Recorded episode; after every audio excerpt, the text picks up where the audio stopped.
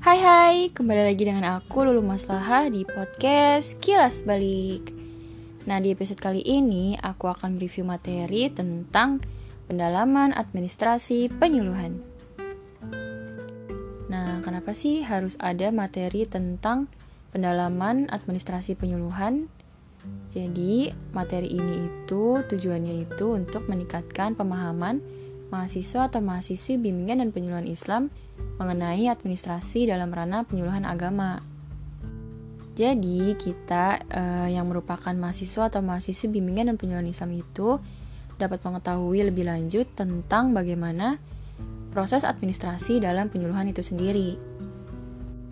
Oke, kita masuk ke pembahasan yang pertama, yaitu pengertian dari profesi. Profesi adalah pekerjaan atau kegiatan yang menuntut kualifikasi dan kompetensi tertentu sesuai tugas pokoknya. Profesi sudah termasuk pekerjaan, tapi pekerjaan tidak termasuk profesi. Berbicara kualifikasi mengenai latar belakang pendidikan dan keilmuan agama, penyuluh agama dikatakan profesi karena menuntut kualifikasi dan kompetensi. Kualifikasi penyuluh agama berasal dari lulusan agama, penyuluh agama kualifikasinya itu menuntun lulusan keagamaan. Kemudian tugas dari seorang penyuluh agama itu ada dua. Yang pertama itu ada tugas agama atau amar ma'ruf nahi mungkar. Dan yang kedua itu ada tugas negara atau melakukan bimbingan dan penyuluhan agama serta konsultasi dan pembangunan melalui bahasa agama. Maka dari itu, dalam hal ini dijelaskan bahwa penyuluh agama bisa dikatakan sebagai dai atau ustadz, tetapi, seorang ustadz atau dai tidak bisa dikatakan sebagai penyuluh agama. Kemudian terdapat beberapa tugas, peran, dan fungsi dari seorang penyuluh agama, yaitu yang pertama tugas dari penyuluh agama itu membimbing e, dalam urusan agama, e, memberikan penyuluhan agama, e, memberikan konsultasi atau arahan agama, serta memberikan e, pembangunan dengan bahasa agama.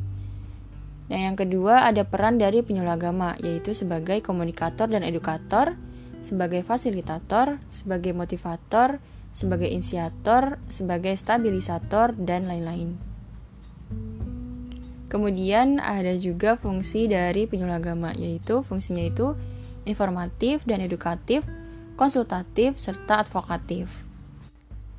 Kemudian ada juga jenjang jabatan yang dimiliki penyuluh agama, di antaranya itu ada penyuluh agama terampil dan penyuluh agama ahli.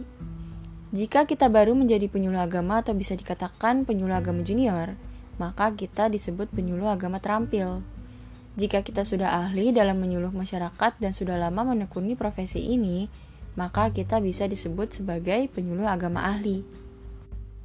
Seorang penyuluh agama tentunya perlu memiliki beberapa kompetensi yang sesuai dengan ranahnya, yaitu administrasi penyuluhan, komunikasi penyuluhan, substansi penyuluhan, pengembangan profesi penyuluhan, dan kepribadian yang baik dan teladan. Dalam proses penyuluhan agama terdapat beberapa evaluasi, di antaranya itu ada evaluasi program atau penilaian terhadap program bimbingan. Kemudian ada evaluasi proses atau penilaian terhadap pelaksanaan tugas dan yang terakhir ada evaluasi hasil atau penilaian terhadap seluruh kegiatan yang dilakukan. Dalam menjalankan sebuah penyuluhan agama pada masyarakat pun terdapat cara-cara atau teknik yang perlu dilakukan. Di antaranya itu dengan evaluasi partisipatif, kuesioner atau angket, pengamatan, dan juga wawancara.